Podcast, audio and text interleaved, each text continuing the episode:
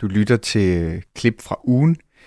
Et program, der øh, samler det allerbedste fra ugens kredsudsendelser og koger det ind til en time, som er lige præcis, hvad du har i udsigt. Kreds, det er øh, Radio 4's kulturprogram, der sender alle hverdage kl. 14, og øh, min opgave her, det er så at sammensætte et lille kludetæppe af forskellige gode indslag og lægge det meget fint og roligt over dig den her lørdag morgen, så du får en god start på dagen. Mit navn det er øh, Mathias Wissing. Jeg er journalist og tilrettelægger på programmet. Velkommen til.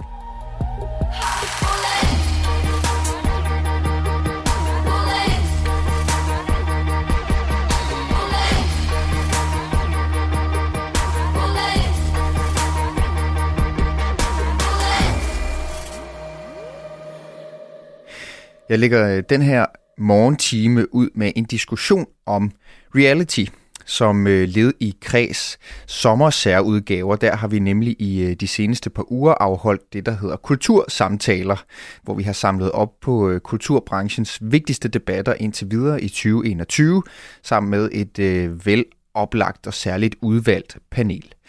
Og i tirsdags der handlede det altså om reality-tv.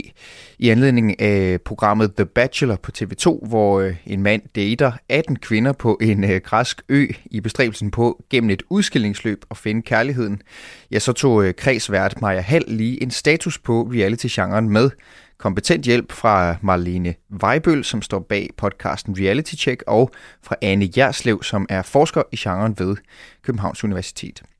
Den snak, den får du fornøjelsen af den næste halve times tid. Vi ligger fra land med et lille introklip fra The Bachelor, og så tager Maja der øh, i hånden derfra. Lyt med her. Jeg er taknemmelig for at få lov til at få den her enestående mulighed. Det her det er et kæmpe eventyr. Hvad er det, vi har rodet os ud i? Jeg er helt klart en 10 ud af 10. Lad os se dig med ved. Tak. Wow.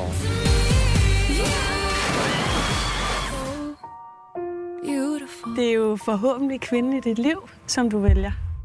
Her var det en bid fra programmet Bachelor. Masser af følelser på spil, som du kan høre her.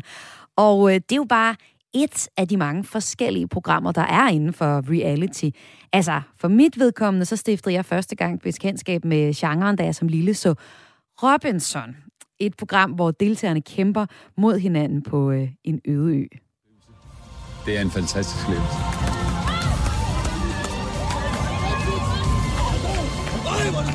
Det føles 100% som en sejr, det her. Jeg, jeg plejer ellers at sige, at andenpladsen det er den første taber, men, men ikke i det her tilfælde. Det, det var pissefedt. ja. Siden så har jeg set en del, og jeg kan rigtig godt lide reality. Og jeg kan også nogle gange rigtig godt lide at have reality, fordi er det ikke bare rigtig dumt tv helt dumt tv er alle koncepterne egentlig ikke. Der er et af de mere seriøse datingprogrammer, og også en af mine favoritter. Det er, man kan sige, det er både et datingprogram, men det er også et eksperiment. Det er Gift ved første blik, der lige om lidt kommer en ny sæson af på DR. Paul Fabio Salaf Bjørnlund Larsen, om du vil have Lene Christine Konrad til ægtefælle. Ja. Reality-genren bliver ofte udskilt og også udskammet af anmeldere, men alligevel så er det altså også de programmer, som stadig er ekstremt populære blandt seere. Hvorfor? Det skal vi blandt andet tale om i dag, når jeg spørger, kan reality-tv give os andet end plat underholdning? Og det skal jeg tale med et panel om den næste lille halve times tid. Den ene i panelet, det er dig, Malene Vejbøl. Velkommen til. Tak. Du er tidligere caster til reality-tv, du er skribent, og du har også podcasten Reality Check. Og øh, du har blandt andet castet medvirkende til Big Brother, Kongerne af Marienlyst. For eksempel så har du fundet knaldperlen. Været med til at finde knaldperlen. Været med til at finde. Der er nok en, ringer nok en klokke hos nogle af lytterne. Så vil jeg også gerne byde velkommen til dig, Anne Jerslev. Velkommen til. Tak skal du have. Du er så forskeren i vores panel og ekspert i reality-tv, og det skal vi nyde godt af også i, i snakken her. Og så er der også øh, den sidste, vi skal have et perspektiv fra. Det er en tidligere reality-deltager. Det er Kasper Bertelsen, som deltog i det her års Bachelor. Han, øh, altså her i første del af samtalen, der skal vi prøve at dykke lidt ned i, hvad genren egentlig kan tilbyde os seere. Og det har vi også talt med Kasper Bertelsen fra programmet øh, The Bachelor om.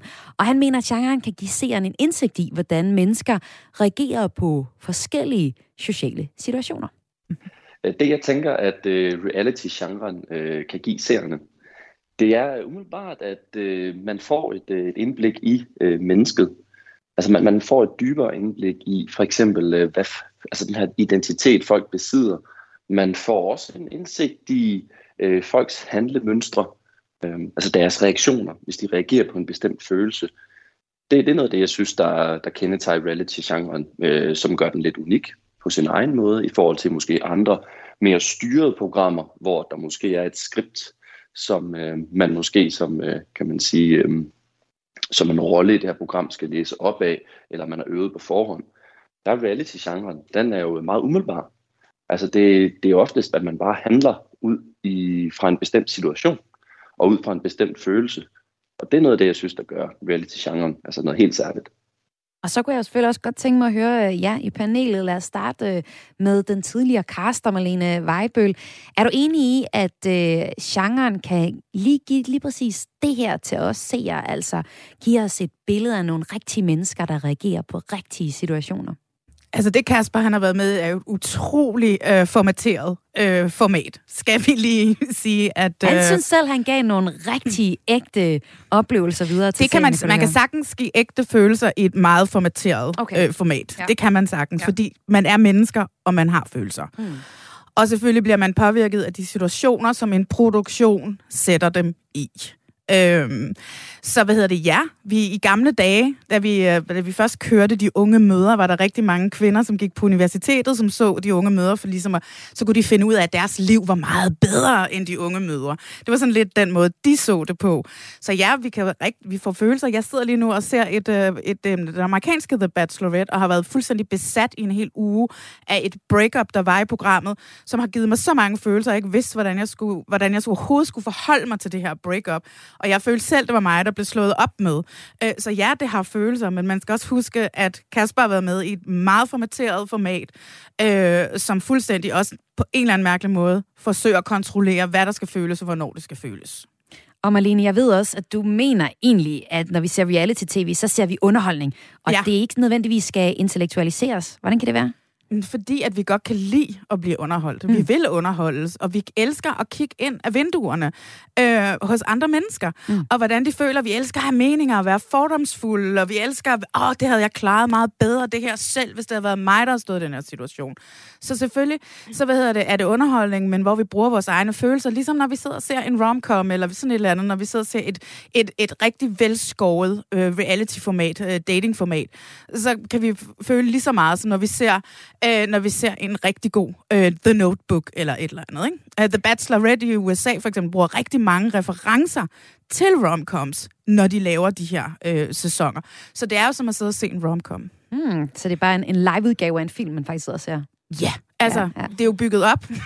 de ved jo godt, dem som laver det, hvordan de skal bygge det op til det helt store, den store kulmination.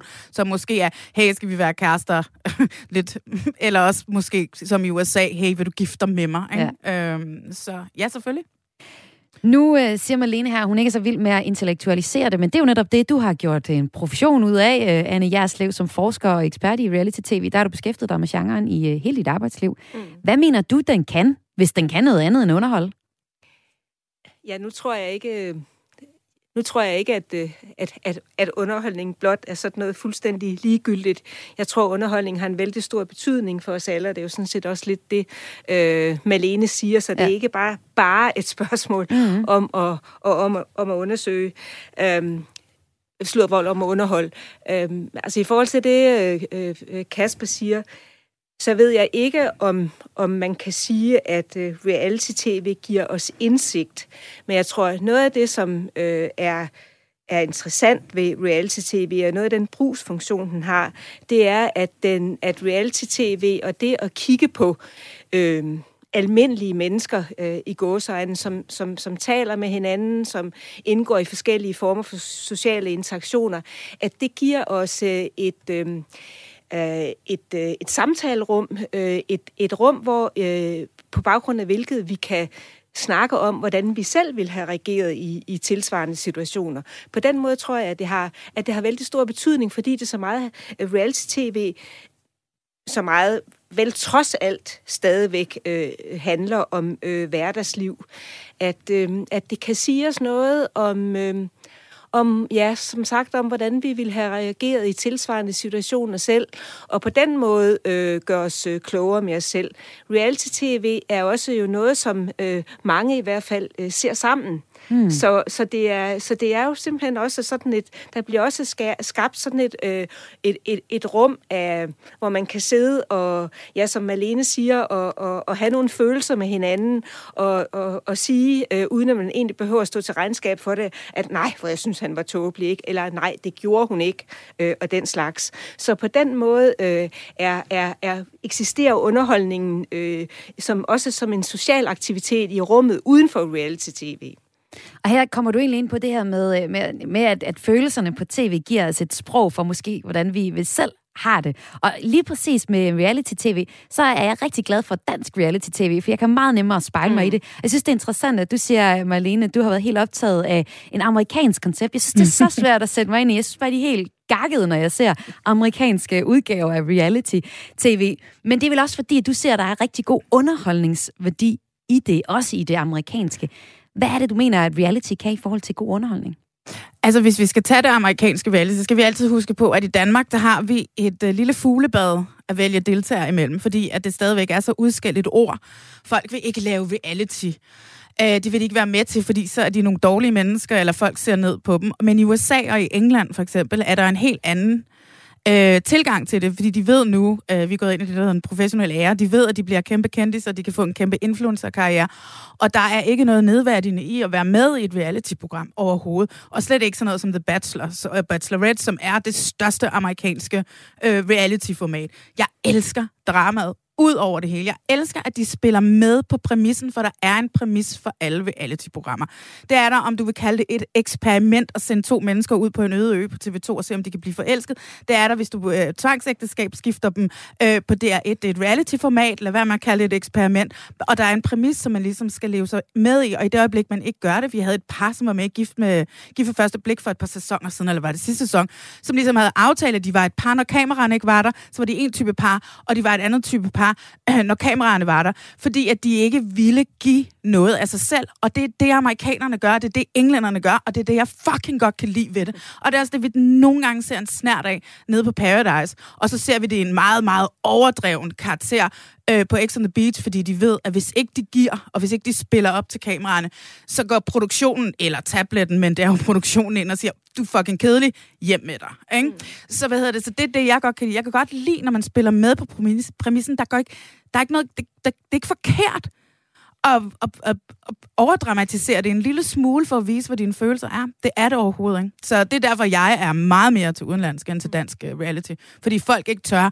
Fordi produktionsselskaberne og fordi broadcasterne, tv-kanalerne, kalder det et eksperiment, fordi de ikke tør stå ved det reality, uh, som så gør, at så sidder mennesker og ser det. Nej, nej, jeg ser ikke reality, jeg ser eksperimenter, fordi dem, der laver reality, det er dem, der bare knipper på Paradise Hotel. Og de er neder, de, de, de er ikke værdige mennesker. Okay, vi er altså ikke helt klar til det nu. Men vi skal alligevel lige om lidt uh, i del 2 tale lidt om, om reality-deltagerne i Danmark faktisk er begyndt at forstå præmissen, og der er ved at ske et, øh, et skred med os lige blive ved, hvad os seere stadig får ved, øh, for, øh, for ud af at se reality. Øh, Anne, du har faktisk set på, at der er, øh, som forsker, at der er forskellige typer af reality-tv, og de hver især kan noget forskelligt. Inden vi øh, ser nærmere på, hvad deltagerne får ud af det, hvad, hvad, hvad er der så forskellige genrer inden for reality, som vi øh, seere kan på? Ja, ja, jeg synes, det er et vigtigt spørgsmål. Altså netop fordi reality i dag er virkelig mange forskellige ting. Det er jo både og, et eksperiment, kan vi høre her om. ja, det, det som, som TV2 og DR øh, ja. øh, kalder det. Ja. Øh, men, men, men, men flere af de øh, formater, som, som Malene snakkede om, øh, hører under den, hvad skal vi sige, underkategori, som, som, som helt fra starten er blevet kaldt for reality shows eller reality game shows. Øh, og så øh, kan man sige, at der findes en anden kategori også, som er reality-dokumentaren, øh, hvor, hvor for eksempel de unge møder øh, tilhører, eller en række af de her sådan øh, øh, øh, øh serialiserede, kan man sige, øh, beskrivelser af, af såkaldte øh, almindelige mennesker. Men, men jeg skal måske også øh, lige sige, at, øh, at øh, altså, i forhold til øh, øh, reality-tv's jo 20-årige historie, eller lidt mere end en, en, en 20-årig historie, der var noget af det, som var så banebrydende, det kan man måske ikke forstå i dag, men, men som var så banebrydende dengang, det var øh, for det første, at det beskæftigede sig med, så at sige, almindelige mennesker. For mm. det andet, at man blandt andet på baggrund af de mange overvågningskameraer, som vi jo havde i, øh, i Big Brother, at man så at sige kom, kom ind i, i det allerinderste af, af disse almindelige menneskers liv. Og så for det tredje, at, det, øh, øh at de så meget var formateret, de her programmer, også til at, øh, at, at, at etablere øh, følelser. Jeg, jeg, jeg kaldte i den, den bog, jeg skrev for en hel del år siden, reality-tv for følelses-tv, fordi pointen er, at det skal handle om konflikter, øh, og det skal handle om, at, at mennesker, om ikke øh, bryder sammen, så at de øh, fremstiller øh, de store følelser. Det var noget af det, som også var, var vældig øh, nyt dengang. Og hvis jeg lige kan nå at sige bare mm. én ting til, øh, så, øh, så talte øh, Kasper om, om, om det sådan det uskriptede, eller der ikke var et manuskript. Og der tror jeg, der er øh, noget øh, flydende grænser mellem det skriptede og det ikke skriptede. Det ligger jo også i det, øh, øh, Malene sagde. Og det er klart, at reality-tv ikke opererer efter et manuskript på samme måde som, som fiktionsserier. Men altså, øh, øh, øh, det er blevet mere og mere tydeligt, som årene er gået, at der dels er nogle regler, som deltagerne skal, skal, skal agere i forhold til, og dels at de ikke bare kan som de gjorde i det første Big Brother, sidde og øh, kede sig og snakke om ingenting mm. i flere timer. Ja, der skal være noget underholdning. Der skal være noget ja. øh, underholdning, ja. Ja. Jeg kunne godt tænke mig lige et lille, ekspertspørgsmål mere. Øhm, inden jeg skulle lave den her udsendelse, så kom jeg til at tænke på, hvor, hvor går grænsen egentlig for reality? Fordi mm. øhm, Lige nu så ser jeg Kunstnerkolonien på, mm. øh, yeah. på DR. Et program, hvor øh, nogle øh, billedkunstnere øh, mødes øh, på Bornholm mm. og skal så male i de 14 dage, de er der. Mm. Og jeg synes, synes, jeg synes også godt, jeg kunne kalde det reality. Der er også nogle følelser. Michael Kvium viser for eksempel et billede, hvor der er et lille brev fra sin mor, hvor han begynder at græde. Mm. Er det egentlig reality, Anne? Mm. Ja, altså det, på en måde tror jeg godt, man kunne sige det. uh, omvendt, eller, eller på en anden måde kunne man sige, at der findes uh, reality-elementer i rigtig meget tv Okay, det er på den måde. Det er kommet ind. Altså, altså det, at, og, det at give udtryk for sit inderste, det at vise sine følelser. Altså vi har jo, vi ser det jo, altså man kunne næsten sige, at, øh, at finalen i badminton, OL-finalen i badminton, var sådan et eksempel på, på reality-tv, hvor følelserne gives frit, uh, yeah. frit løb. Ja. Ej, der blev ret meget. Ja, det ja. gjorde det. ja, det var fint. Nå. Det var jo første del af samtalen, hvor vi så lidt på, hvad os øh, seere får ud af reality-tv. Og øh, nu skal vi prøve at se på, hvad deltagerne egentlig får ud af det. Fordi tidligere, så har nogle deltagere måske følt sig sådan ret brugt af genren. Men måske er de blevet lidt bedre til at bruge reality som platform. Det skal vi tale om nu. Du lytter til Græs med mig, Maja Hall. Ja, for hvad sker der, når kameraerne slukkes, og reality-konceptet er færdigt på tv? Man skulle jo lidt tro, at det hele var slut, men det er det jo sjældent. Altså, pludselig så står reality-deltagerne på, som kendte ansigter i Danmark øh, på min Instagram. Øh, de står og holder konferencer, og er lige pludselig nogen, man kender. Og det kan være en voldsom oplevelse, som ikke, ja, de har ikke altid redskaberne til at takle det, er i hvert fald de historier, de selv fortæller nogle gange. Men øh, de kan jo også være en guldgruppe, fordi flere bruger det som første skridt mod et nyt medie- og en influencerkarriere, altså en guldgruppe for deltagerne selv, hvor vi øh, ser deltagerne tage ejerskab over deres nye kendisfaktor og begynde at tjene penge på for eksempel øh, at reklamere for varer eller at medvirke i andre tv-programmer. Det skal vi tale om her i øh, del 2. Og jeg har stadig selskab af dig, Malene Vejbøl, tidligere caster til Reality TV. Du er også skribent, og du er også podcastvært. Og Malene, hvis vi lige starter med dig, du øh, ser en tendens i forhold til, at reality-deltagerne faktisk bliver mere professionelle i deres tilgang til deres deltagelse. Hvordan det? De har lyst til det, og det skal vi også huske. Altså, øh, man kan jo lave en influencer-karriere på, på Instagram, og nu også TikTok er også ved at, at være ret godt med. Ikke? Øhm, det er de jo blevet i big time i USA og i, øh, og i England, og sikkert også i Australien. Jeg er ikke så meget inde i australsk reality, selvom de lægger sig faktisk noget mere op af os, end, øh, end britisk og øh, amerikansk reality er. Øh, man kan jo se sådan en som Francesca, som var med i øh, Too Hot to Handle sæson 1, hvis I vi kan huske hende, der var helt skør med ham Harry, der blev ved med at tage penge for puljen. Too Hot to Handle er et Netflix-format. Øh, hun har i dag 5,8 millioner følgere på Instagram. Jeg ved godt, det kommer vi jo aldrig til at få i, i Danmark. Øh, men, men hun, skal, hun skal jo bare være influencer resten af sit liv. Ikke? Øh, og vi har muligheden for, hvis nu vi også fik nogle af de store virksomheder herhjemme, øh, til at være med på ideen om, og, altså, så det ikke bare bliver sådan nogle, øh, hvad hedder det, kviklån og, og sådan noget, de skal sidde og reklamere for at få 8.000 kroner, ikke? så har man rent faktisk muligheden for at, at bygge et brand. Man kan se sådan en som Olivia Salo, som var med i øh, øh, øh på Love Island, som jeg var med til at lave, jeg ved ikke, hvad hendes intention om at være med på Love Island var, men det virker som om, at hun udmærket godt vidste, hvad hun kunne bruge reality til. Og hun har opbygget, hvad jeg synes er en perfekt karriere. Det samme har Masha Wang gjort, selvom Masha Wang jo helst ikke vil tale om, at hun har lavet reality. Så har hun selv lavet utrolig meget reality. Og Irina The Diva osv. osv. Hvis man går i deres fodspor, der er plads til rigtig mange flere af dem.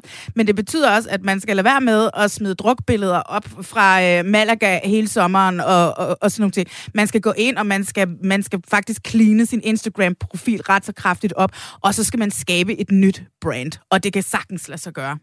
Og når I øh, sidder som caster og skal have fat i nogle af de her deltagere, er det så, ja, du har jo så været tidligere caster, men er det, er det, er det noget, der man har med i overvejelserne om, om det her det er en, der kan leve videre? Fordi det giver jo også noget opmærksomhed omkring serien, at det er en, der er kendt fra lad os sige, uh, ja, Love Island?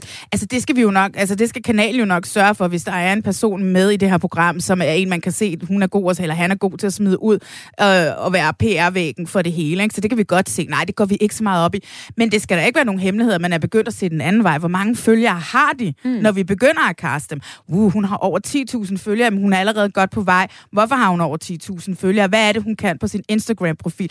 Så vi begynder da at gå den vej ind og se, hvad kan de der, i stedet for, hvad kan de de bagefter. Det, det, det, det gør man meget. Altså, man kaster sindssygt meget ud for Instagram. Øh, det, det er meget vigtigt at have en ordentlig Instagram-profil, øh, end det er at skrive en god ansøgning. Hmm. Og lad os lige høre fra Kasper Bertelsen, altså deltager i reality-programmet Bachelor på TV2. Hans primære grund til at deltage i reality er ikke for at blive influencer, men han kan alligevel godt se, at nu han har kæmpet, øh, altså nu har han en ret stor mulighed for at udnytte interessen omkring ham. Altså, jeg, jeg gik nok ikke ind øh, til reality med, øh, med den store bagtanke om, at så skulle jeg lige pludselig være en eller anden øh, tv-stjerne eller noget af den stil. E, eller så den sags skyld at blive influencer. Men altså, ja, det skal da ikke være usagt. Altså, selvfølgelig havde jeg da tænkt tanken, at øh, når man nu er med i reality, altså vil der om ikke andet komme den her øh, efterfølgende effekt af, at man nu er man lige pludselig et kendt ansigt. Øh, det jeg tænker, som jeg har lært af at være øh, med i reality, det er nok øh, at være lidt mere bevidst om mig selv øh, som person. Altså simpelthen mit, mit identitet. Øh, hvad er mit billede ud af til? Altså, vi snakker måske her persona, vi snakker image. Øh, det er jeg i hvert fald blevet noget mere bevidst om efterfølgende, hvor at jeg lige pludselig er blevet eksponeret på øh, landsdækkende øh, tv. Og hvordan er jeg så simpelthen øh, skal indtænke det fremadrettet? Altså hvad jeg siger, hvad jeg gør. Øhm, det kan godt være, at det måske lyder lidt som en byrde, men jeg tror også godt, at man, man kan vente til noget positivt. For eksempel, hvis vi nu snakker i forhold til at kunne øh, få en, en gavnlig øh, økonomisk fordel af det. Altså, så kan jeg jo lige pludselig bruge øh, det her reality springbræt, jeg har, har haft, til nu lige pludselig at komme ud til øh, nogle, nogle andre øh, segmenter, noget andet, et andet publikum, eller andre lytter eller, lytter eller seere, hvor de ligesom kan øh, relatere til mig, og jeg derigennem vil, kan, kan få noget gavn ved for eksempel at kunne få nogle øh, reklame- eller sponsorindtægter, eller måske at kunne stå i spidsen for noget andet. Hvem ved? Jeg synes næsten kun, at det er, det er fantasien, der sætter grænser her. Det, øh, det er noget, som vil nok blive større og større med tiden. Altså at reality kan skabe en eller anden karrieremæssig springbræt for de her mennesker, der nu er med, og kan blive, nu er det måske lidt øh, sat på spidsen, men måske en eller anden form for reality-superstjerner, øh, hvis det er, at, øh, at man nu har rigtig stor succes med det.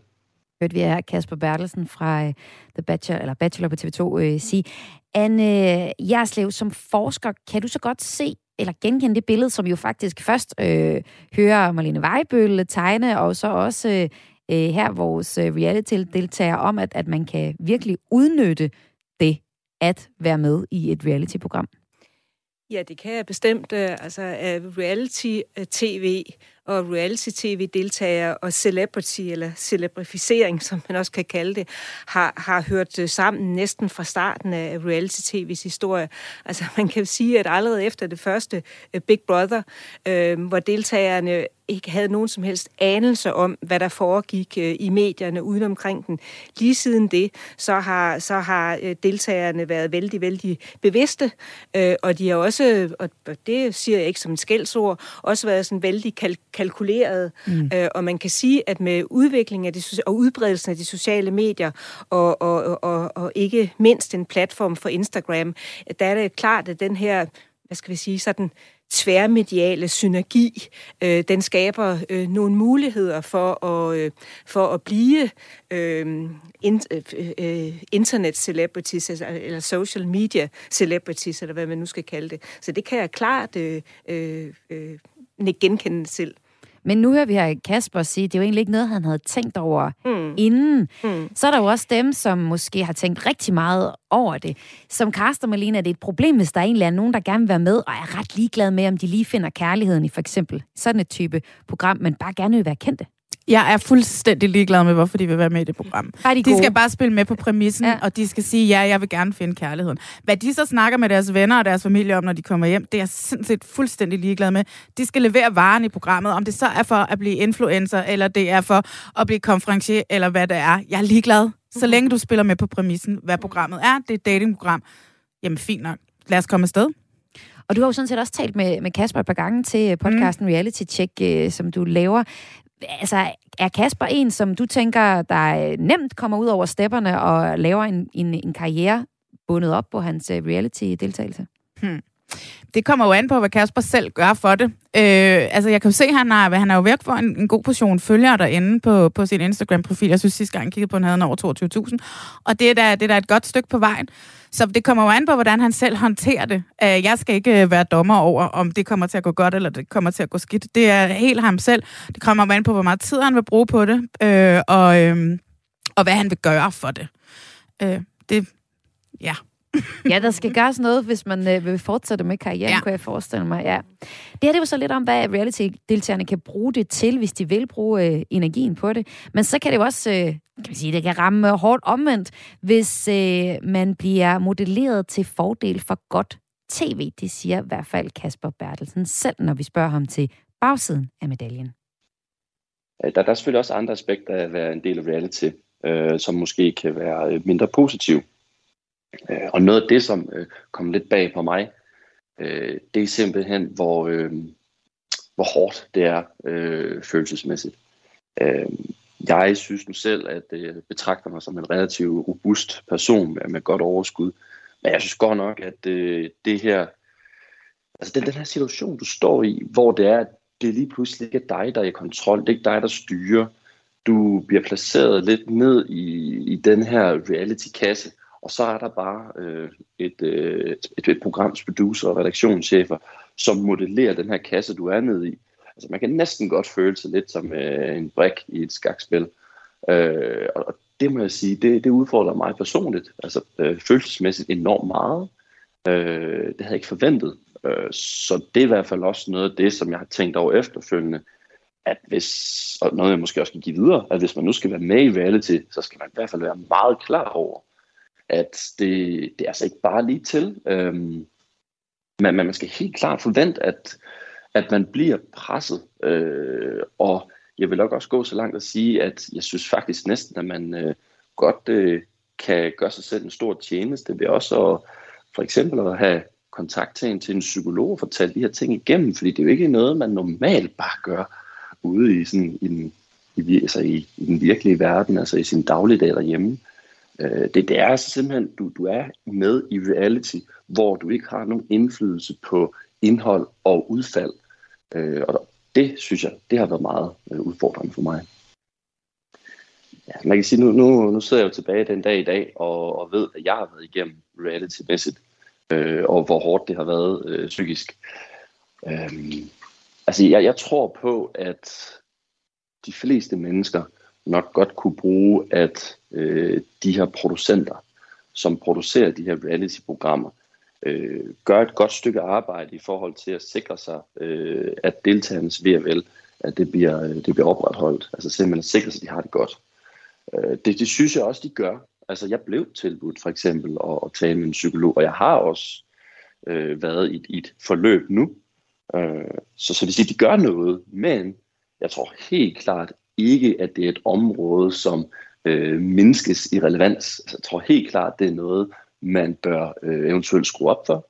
Simpelthen for at sikre sig, at de her mennesker, der har været med i reality, ikke kommer ud på den anden side med ar på sjælen. Og øh, hvem ved, måske et, øh, et mindsket øh, selvværd. Så, så det, det tror jeg, det er ret vigtigt, at producenterne de har fokus på. Og Marlene, som tidligere kaster, mm. der kan du selvfølgelig fortælle os, at det har I fokus på. Men er der nogen, man vælger fra, fordi de har for skrøbeligt et selvværd? det er vigtigt at sige, at alle, i hvert fald de her store formater, hvor man skal ind i en villa, ind på et hotel, ind i, et, i en bachelor, at alle kommer til en psykolog inden. Øh, det er ret vigtigt. Nogle programmer har endda to psykologer, så man skal til to psykologsamtaler. Men når det så er sagt, så... Øh, et meget kontrolleret menneske, som Kasper er, er jo svært at lave reality af, øh, på og med. Øh, hvor nogle gange, dem som er lidt vilde i det, dem som er sådan lidt, du ved, woo, whatever, øh, og det er ikke nødvendigvis på de er mere skrøbelige, men, men øh, nogle gange, så kan man godt gå en lille smule på kompromis med, at han sjov har med, i forhold til, hvad, Altså nej, de skal altid være godkendt af psykologen, men kan vi, kan vi sende ham til en samtale mere? Er det vigtigt, at vi lige får ham, altså du ved, sådan noget, ikke? Nogle gange så er det, og det er tit de her mennesker, som måske har levet et lidt hårdt liv, som kommer ind med en anden attitude. Altså hvis de har haft en hård opvækst eller et eller andet, de kan bare godt nogle gange være sådan lidt mere, buff, de er ikke bange for at give alt af dem selv. Altså, eller hvis man det, har fået sit hjerte knust tusind gange, fordi man altid falder for den samme rockertype i Randers, at, hvad hedder det, og jeg ved godt, jeg putter folk i bokse, men det er det, man gør som kaster, så jeg må meget undskylde, at jeg putter folk i bokse på den her måde. Men hvis man har fået sit hjerte knust tusind gange af en rocker, der hedder Kent fra, fra, fra, fra Randers, jamen så kan det godt være, at man er meget mere åben for at bare kaste sig ud i endnu en forelskelse. Og, men vi prøver selvfølgelig stadigvæk, inden vi sender dem ned, og, og sørge for, at de er stabile nok til det. Og en psykologsamtale, måske to psykologsamtaler, er jo muligvis ikke altid nok, når man smider dem ind i så presset et miljø som et hotel, en bachelor, en villa er. For det er fucking hårdt at være med i et reality-program. Og lad os også lige høre dig her afslutningsvis, øh, Anne Jerslev, som øh, forsker. Og når du ser på øh, de etiske aspekter omkring det at øh, lave reality-tv og være reality-deltager, øh, at, ser du så forholdene, de er, er gode nok nu? Altså, jeg, jeg vil sige, at jeg har altid sagt, når jeg er blevet spurgt om, om det her spørgsmål, at jeg synes, det er utrolig vigtigt, at øh, produktionerne, produktionsholdet, producenter, tv-stationerne, øh, de, øh, øh, hvad skal vi sige, øh, øh, passer godt på øh, deres deltagere. Men der er jo sådan et problem i, at, at godt tv, det er jo også det, som, ja. som vi hører Marlene fortæller her. Det er ja. nogle gange nogle skævere eksistenser, der er mere klar på at sige ja, end nogle mere kontrollerende typer. Helt... Som måske ikke er så interessant tv altid. Jamen helt sikkert, og det var jo også noget af det, som, som var så interessant ved reality i starten. Det var nemlig det her, der, der dengang var uskriptet, det at man faktisk ikke rigtig vidste, hvad deltagerne ville. Mm. Så, hvis, så det er måske ikke helt et svar på det, du øh, spørger om, men jeg vil sige, at noget af det, som, som, som, som efter min mening i dag lidt er faren ved især reality gameshowet, det er, det er sådan, der er sådan vældig kontrolleret. Det er, at der, øh, altså det, som, som, som Kasper kaldte at være en brik i et skakspil, eller som han oplevede sådan, men hvor man set udefra kunne sige, det som måske også kan gøre det her, det er noget, noget kedeligt, det er, at det uforudsigelige på mange måder er forsvundet. Kasper er et brik i et skakspil. Ja. Altså når det er sådan et format her. Ja. Det er der slet ingen tvivl om, og det, det, det er de alle sammen. De har alle sammen en rolle, de skal spille. Ja øh, altså det, øh, og nu vender jeg tilbage til mit yndlingsprogram fra 2000, 2001, øh, Big Brother, ikke? som på mange måder jo var super kedeligt, men, men, men noget af det, som var så, så, så også så modigt, det var, at, øh, at det var kedeligt. Ikke? Det, var, det var jo ikke kedeligt dengang. Jeg husker det som noget, altså det er stadigvæk mit yndlingsprogram nogensinde. Ja, ja, altså. ja, ja, ja men, men, men, men, men det var jo, altså der var, var indtrykket i hvert fald, der fik man i højere grad sådan et indtryk af, af det autentiske. Mm. Og det her var personer, som, som som var sig selv. Ja. Øh, I dag øh, bliver øh, reality-deltagere i bedste fald iscenesat til at være mm. sig selv, hvis de ikke ja, bliver iscenesat ja, ja. til at være nogle andre. man kan ikke gøre dem til noget, de ikke er. Altså, man kan aldrig nogensinde klippe en skurk altså klippe godt menneske til at være en skurk, men man kan godt putte dem ned. Det er den søde pige, som hvis vi skal blive i, i The Bachelor-kategorien, Christine, øh, som hvad hedder det, endte med at være en af Jaffers sidste tre. Hun, øh, hendes introvideo kommer hun op som sådan en barn baby mm. af vandet i en sort, biki, en sort badedragt. Ikke? Hun er jo helt klart, hun er jo helt klart sexbomben her, ikke? Mm. Og, og, og, sådan noget, så man putter folk ned i de ja. her kasser. Mm. Øh, det gør man helt klart. Mm. Og det kan man på sigt godt klippe sådan en lille smule ud af. Ikke? Mm. Eller man kan i hvert fald, du ved, stille nogle spørgsmål i synk, det der, hvor de står og snakker øh, til, øh, til kameraet, det hedder synker. Man kan jo stille nogle ledende spørgsmål i de her synker, som gør, at Christine, hun bliver lidt mm. mere... Mm, mm, mm, øh, end, end hvad hun egentlig er. Yeah. Men lad mig, lad mig bare lige i forhold til det med at passe på folk, inden de skal afsted. Jeg synes, problemet også hænger, er meget i, at man ikke passer på folk, når de kommer hjem igen. Fordi mm. det er jo også en helt anden diskussion i forhold til sociale medier, og hvor hårdt der bliver talt til mennesker mm. øh, øh, i, i dag på de sociale medier. Hvordan man kan sidde bag computeren og bare svine folk til, fordi at de har forsøgt at underholde dig i et tv-program. Yeah. Mm der skal passes meget mere på dem. Det er der slet ingen tvivl om. Produktionsselskaber har ofte freelancer, som er videre til et næste program, og det er bare sådan et, så ringer man til dem, så er det bare sådan, Kasper, hvem? Altså, mm. altså du ved, man, det er mere det, at man skal passe på dem bagefter. Der skal være psykologer til rådighed. Mm. Det er der slet ingen tvivl om. Men det koster penge. Ja, og sådan øh, sluttede Marlene Weibøl den her snak om reality. Øh, reality-forsker på KU, Anne Jerslev, hun var Majas anden gæst i den her kultursamtale, som led i, at øh, Kreds altså de seneste par uger har forsøgt at samle op på nogle af de øh, vigtigste og mest interessante debatter i kulturen herhjemme i første halvdel af 2021. Du kan høre flere kultursamtaler på Kreds ved at finde øh, programmet som podcast og on demand, som det hedder. Det finder du på Radio 4's website og alle mulige andre steder. Kultursamtalerne de har øh, tidligere i den her uge handlet om blandt andet digital teater, og om det er fremtiden for teatret, og så har det handlet om biograferne, og om hvordan de kommer tilbage på ret køl efter øh, den her covid-19-nedlukning, der som bekendt har knæsat store dele af kulturbranchen.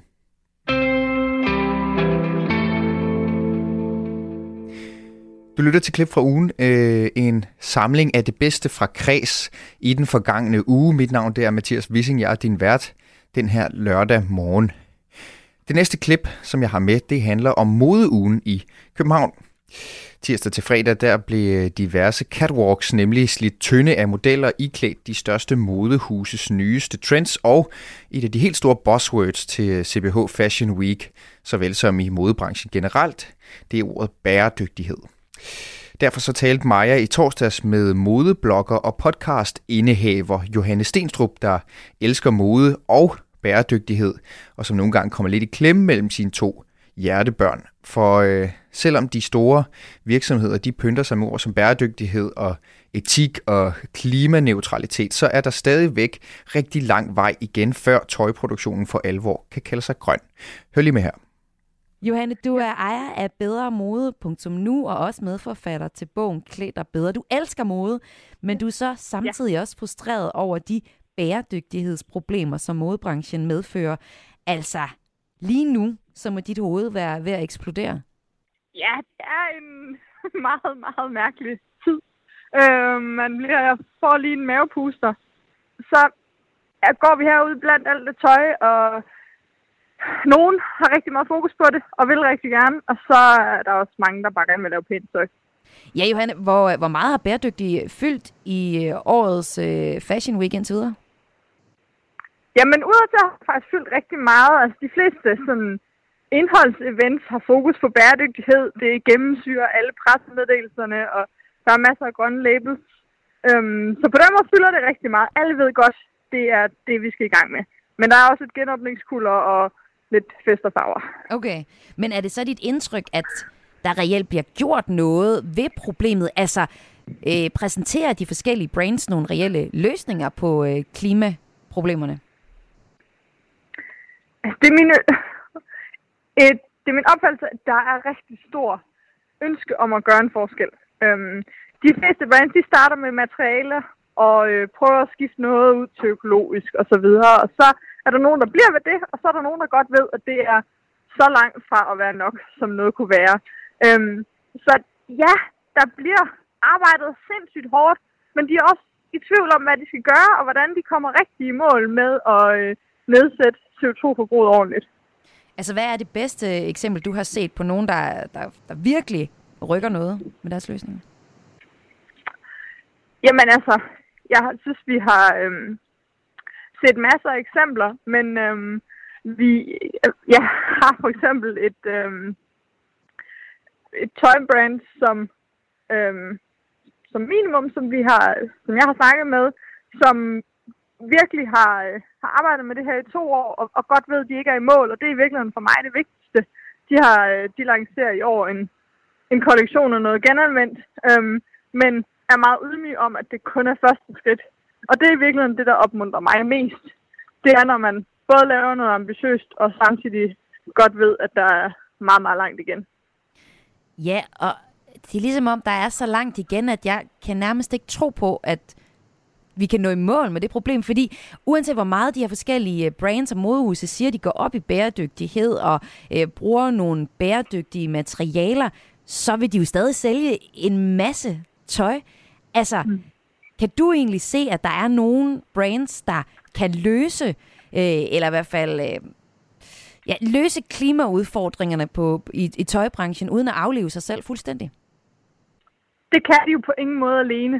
Og øh, vi har brug for, at øh, politikerne kommer på banen her, fordi det er en branche, der rigtig, rigtig gerne vil. Men vi skal altså have nedsat nyforbruget og nyproduktionen væsentligt, nogen siger, men øh, altså 75 procent. Og øhm, der er altså brug for nogle helt nye løsninger. Der er brug for noget helt nyt infrastruktur. For eksempel er der rigtig mange brands, som, som godt ved, at deres tøj skal jo have et andet, tredje og fjerde liv de vil også rigtig gerne tjene penge på tøjet flere gange, fordi det er det, der skal til. Hvis de ikke skal aflive sig selv, så skal de jo lære at sælge det samme stykke tøj flere gange øh, på nye måder. Og der har vi altså brug for en massiv satsning fra politisk hold med penge til udvikling og forskning og noget mere lovgivning i den her branche, som jo faktisk er Danmarks fjerde største eksporterhverv og Europas fjerde mest forurenende branche. Så du ser faktisk en løsning i, at, øh, at virksomhederne kan bruge endnu mere genanvendt materiale, og, og, og den vej ned kan, kan de være et mindre problem, end de er lige nu for, for klimakrisen? Altså genanvendt materiale er helt klart en af løsningerne, men en af de store er, hvis de lærer at have, sørge for, at det samme stykke tøj bliver brugt igen og igen, så vi får cirkuleret tøjet, som det er, inden vi begynder at bryde det ned og øh, genanvende det. Så vi skal have gang i mange flere modeller for genbrug og gensalg, hvor vi simpelthen deles om ressourcerne, som de er. Øhm, og, og det kan branchen for eksempel hjælpe med ved at tage deres tøj tilbage og sælge det igen. Men det er så omkostningstungt, og der er simpelthen så stor infrastruktur, der, der er behov for, at vi gør noget fælles. Øhm, for de her brands udvikler noget nationalt eller europæisk, som gør, at de kan tabe ind i det og sende deres tøj ud i den andet og tredje og fjerde liv. Altså, hvor, hvor, hvor også forbrugere simpelthen skulle købe brugt tøj af store virksomheder som H&M og Zara. Ja, eller mindre øh, mellemstore virksomheder, mm. som du finder ned på hovedstrøget i enhver øh, provinsby i Danmark. Det ser helt sikkert for mig, at, øh, at i fremtiden så køber vi meget mere tøj, som er nyt for os, men ikke nødvendigvis nyt i det hele taget. Og virksomhederne vil allerede gerne, de vil kan lave bedre tøj, i hvert fald mange af dem, slår sig jo også på kvalitet herude. Og øh, så skal det jo også kunne holde til flere liv. Og ja, hvis de, hvis de så ikke skal aflive dem, så er det det, jeg siger, så skal, vi, så skal de til at lære at tjene pengene på tøjet igen og igen. Og så er der jo også forbrugere. Altså når jeg ellers ja. har talt med øh, store tøjvirksomheder, så siger de, at forbrugerne, de, vil, de, de stemmer jo med pengepungen på det mm. billigste tøj. Og det er også helt rigtigt. Jeg tror, at tallene siger, at vi årligt køber øh, 10 kilo tøj, og det er ja. langt fra alt det tøj, der nogensinde bliver brugt. Øhm, hmm. Med din viden på det her område, hvor står forbrugerne så henne? Jamen det er rigtigt nok, at forbrugeren vil ikke betale ekstra for økologisk bomuld eller en eller anden genanvendt fiber, hvis det er det samme lortetøj, de får. Men de vil gerne betale mere for noget tøj, som passer præcis til deres krop, har en sindssygt god pasform, måske har reparationsgaranti og har mere værdi på den måde. Så Branson skal holde op med at tænke, at det kun er handler om at altså, ændre nogle materialer, og det skal vi så betale mere for. De skal simpelthen grundlæggende designe tøj ind i et nyt system og til nogle rigtige mennesker. Vi har også et pasformsproblem i den her branche, hvor de fleste laver tøj til højslanke, rige kvinder. Og sådan er de fleste kvinder slet ikke. Forskningen siger, at kun omkring 8% af det tøj, der laves, faktisk passer gennemsnitskvinder. Så det er rigtigt nok, at vi vil ikke betale mere for bare nye materialer, men vi vil godt have tøj, som passer til os. Og øhm, det, må, øh, det må de altså forstå, branchen, at der skal mere til. Øhm, først og fremmest så køber vi efter det, vi godt kan lide, og øh, vi køber efter god kvalitet. Gør du, gør, er, du, har du selv ændret dig? øhm, Over ja, tid? Ja, det har jeg. Ja. Øhm, jeg har ændret mig på den måde, at jeg startede selvfølgelig med for mange år siden ikke at, at gå op i det. Så begyndte jeg at gå meget op i det, og så gjorde jeg det rigtig svært for mig selv at købe tøj, mm. fordi jeg kun ville have det, der var allermest bæredygtigt. Og så gik det op for mig, at vi aldrig kommer i mål uden politisk action. Og så gav jeg mig selv lidt mere lov til bare at købe det tøj, der var bedst for mig, som gav mig mest glad, og så bruge mere overskud på at kæmpe den politiske kamp. Og hvordan gør du så? Sådan har min rejse været. Hvordan kæmper du den politiske kamp? Jamen, jeg har blandt andet fået et job her hos Lifestyle Design Cluster, hvor vi øh, øh, gennem diverse organisationer lægger pres på, for at vi får noget politisk handling, noget mere lovgivning og noget øh, mere støtte til virksomhederne. Og øhm, ligesom på den måde er med til at, at skubbe på. Og øhm, ja, bruger meget mere min taletid på at sige, at, at branchen kan ikke gøre det alene. Der er brug for lovgivning og støtte. Og så Johanne, lad os lige her til sidst øh, vende tilbage til øh, virksomhederne selv og brandsene selv. Så du fortalte jo til at starte med, at der er jo masser af fokus på bæredygtighed, og øh, nogen mm. øh, har, øh, hvad skal man sige, er rigtig gode til at snakke om, hvor bæredygtige de har i sinde at være, men der er måske lidt langt mellem de reelle løsninger. Og det er jo her, at virksomhederne bliver kaldt, at de simpelthen laver greenwashing, altså smykker sig i øh, lånte klæder, siger, at de er mere bæredygtige, end de reelt set er. Øhm, det synes jeg også, jeg så et eksempel på, da jeg så her tidligere på ugen. Der var der sådan, at klimaaktivisten Greta Thunberg, hun var på forsiden af en helt øh, ny udgave af modemagasinet Vogue mm. Scandinavia. Et billede, hvor Thunberg, hun sidder sådan i meget idyllisk, øh, klædt i en idyllisk skov. Hun har sådan jordfarver på, og så ærer hun en hest på mulen. Jeg kan godt tænke mig bare lige høre, øh, først og sidst, hvad, hvad synes du om, om, at hun lige pludselig optræder, altså klimaaktivisten over dem ja. alle optræder på magasinernes magasin, Vogue? Ja. Jamen, jeg har det meget blandet med det. På den ene side kan jeg jo godt forstå, at man stiller op, og præmissen er garanteret, okay, du, du må sige, hvad du vil, men vi skal tage de her smukke billeder. Øhm, I klædt noget tøj, du for aldrig kunne tænke dig at købe. Øhm, fordi hun jo selv udtaler, at hun ikke køber nyt tøj.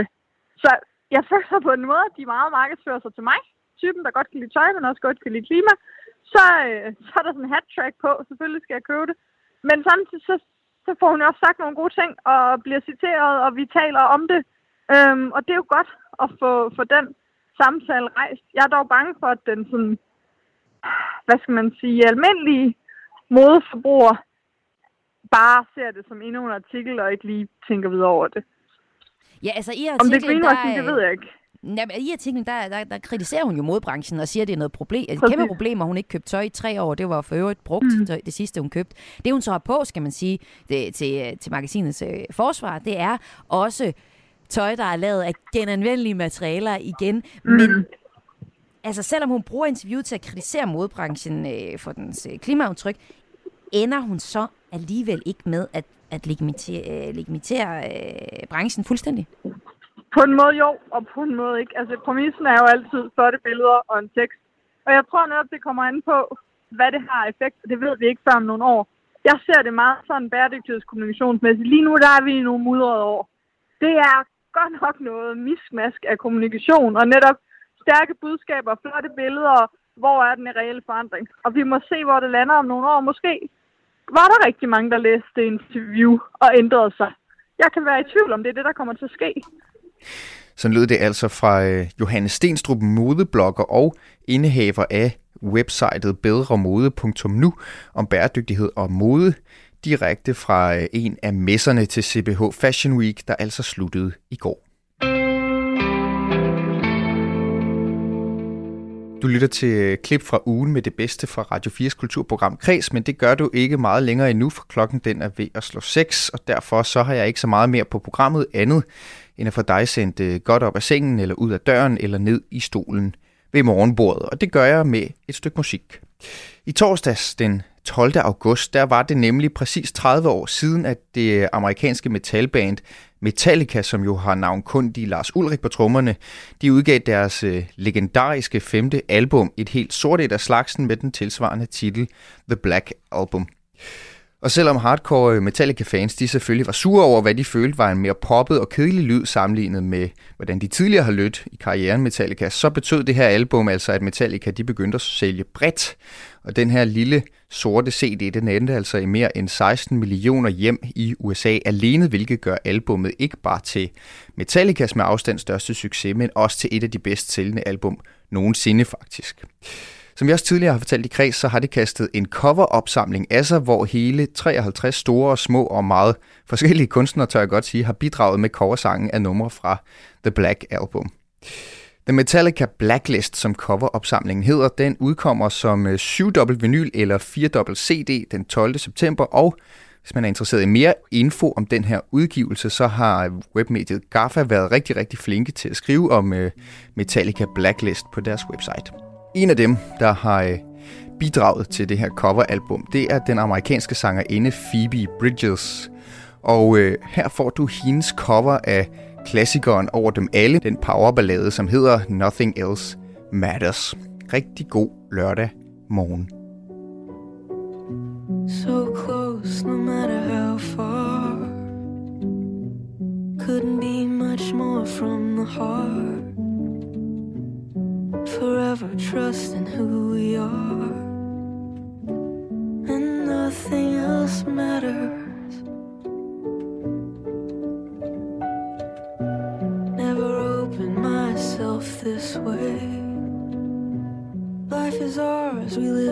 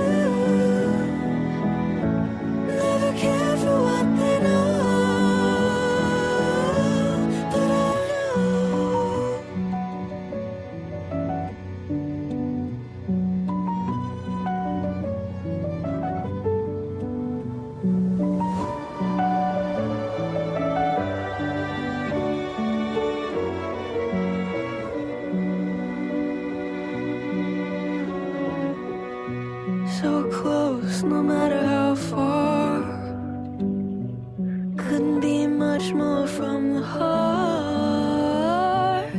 Forever trusting who we are,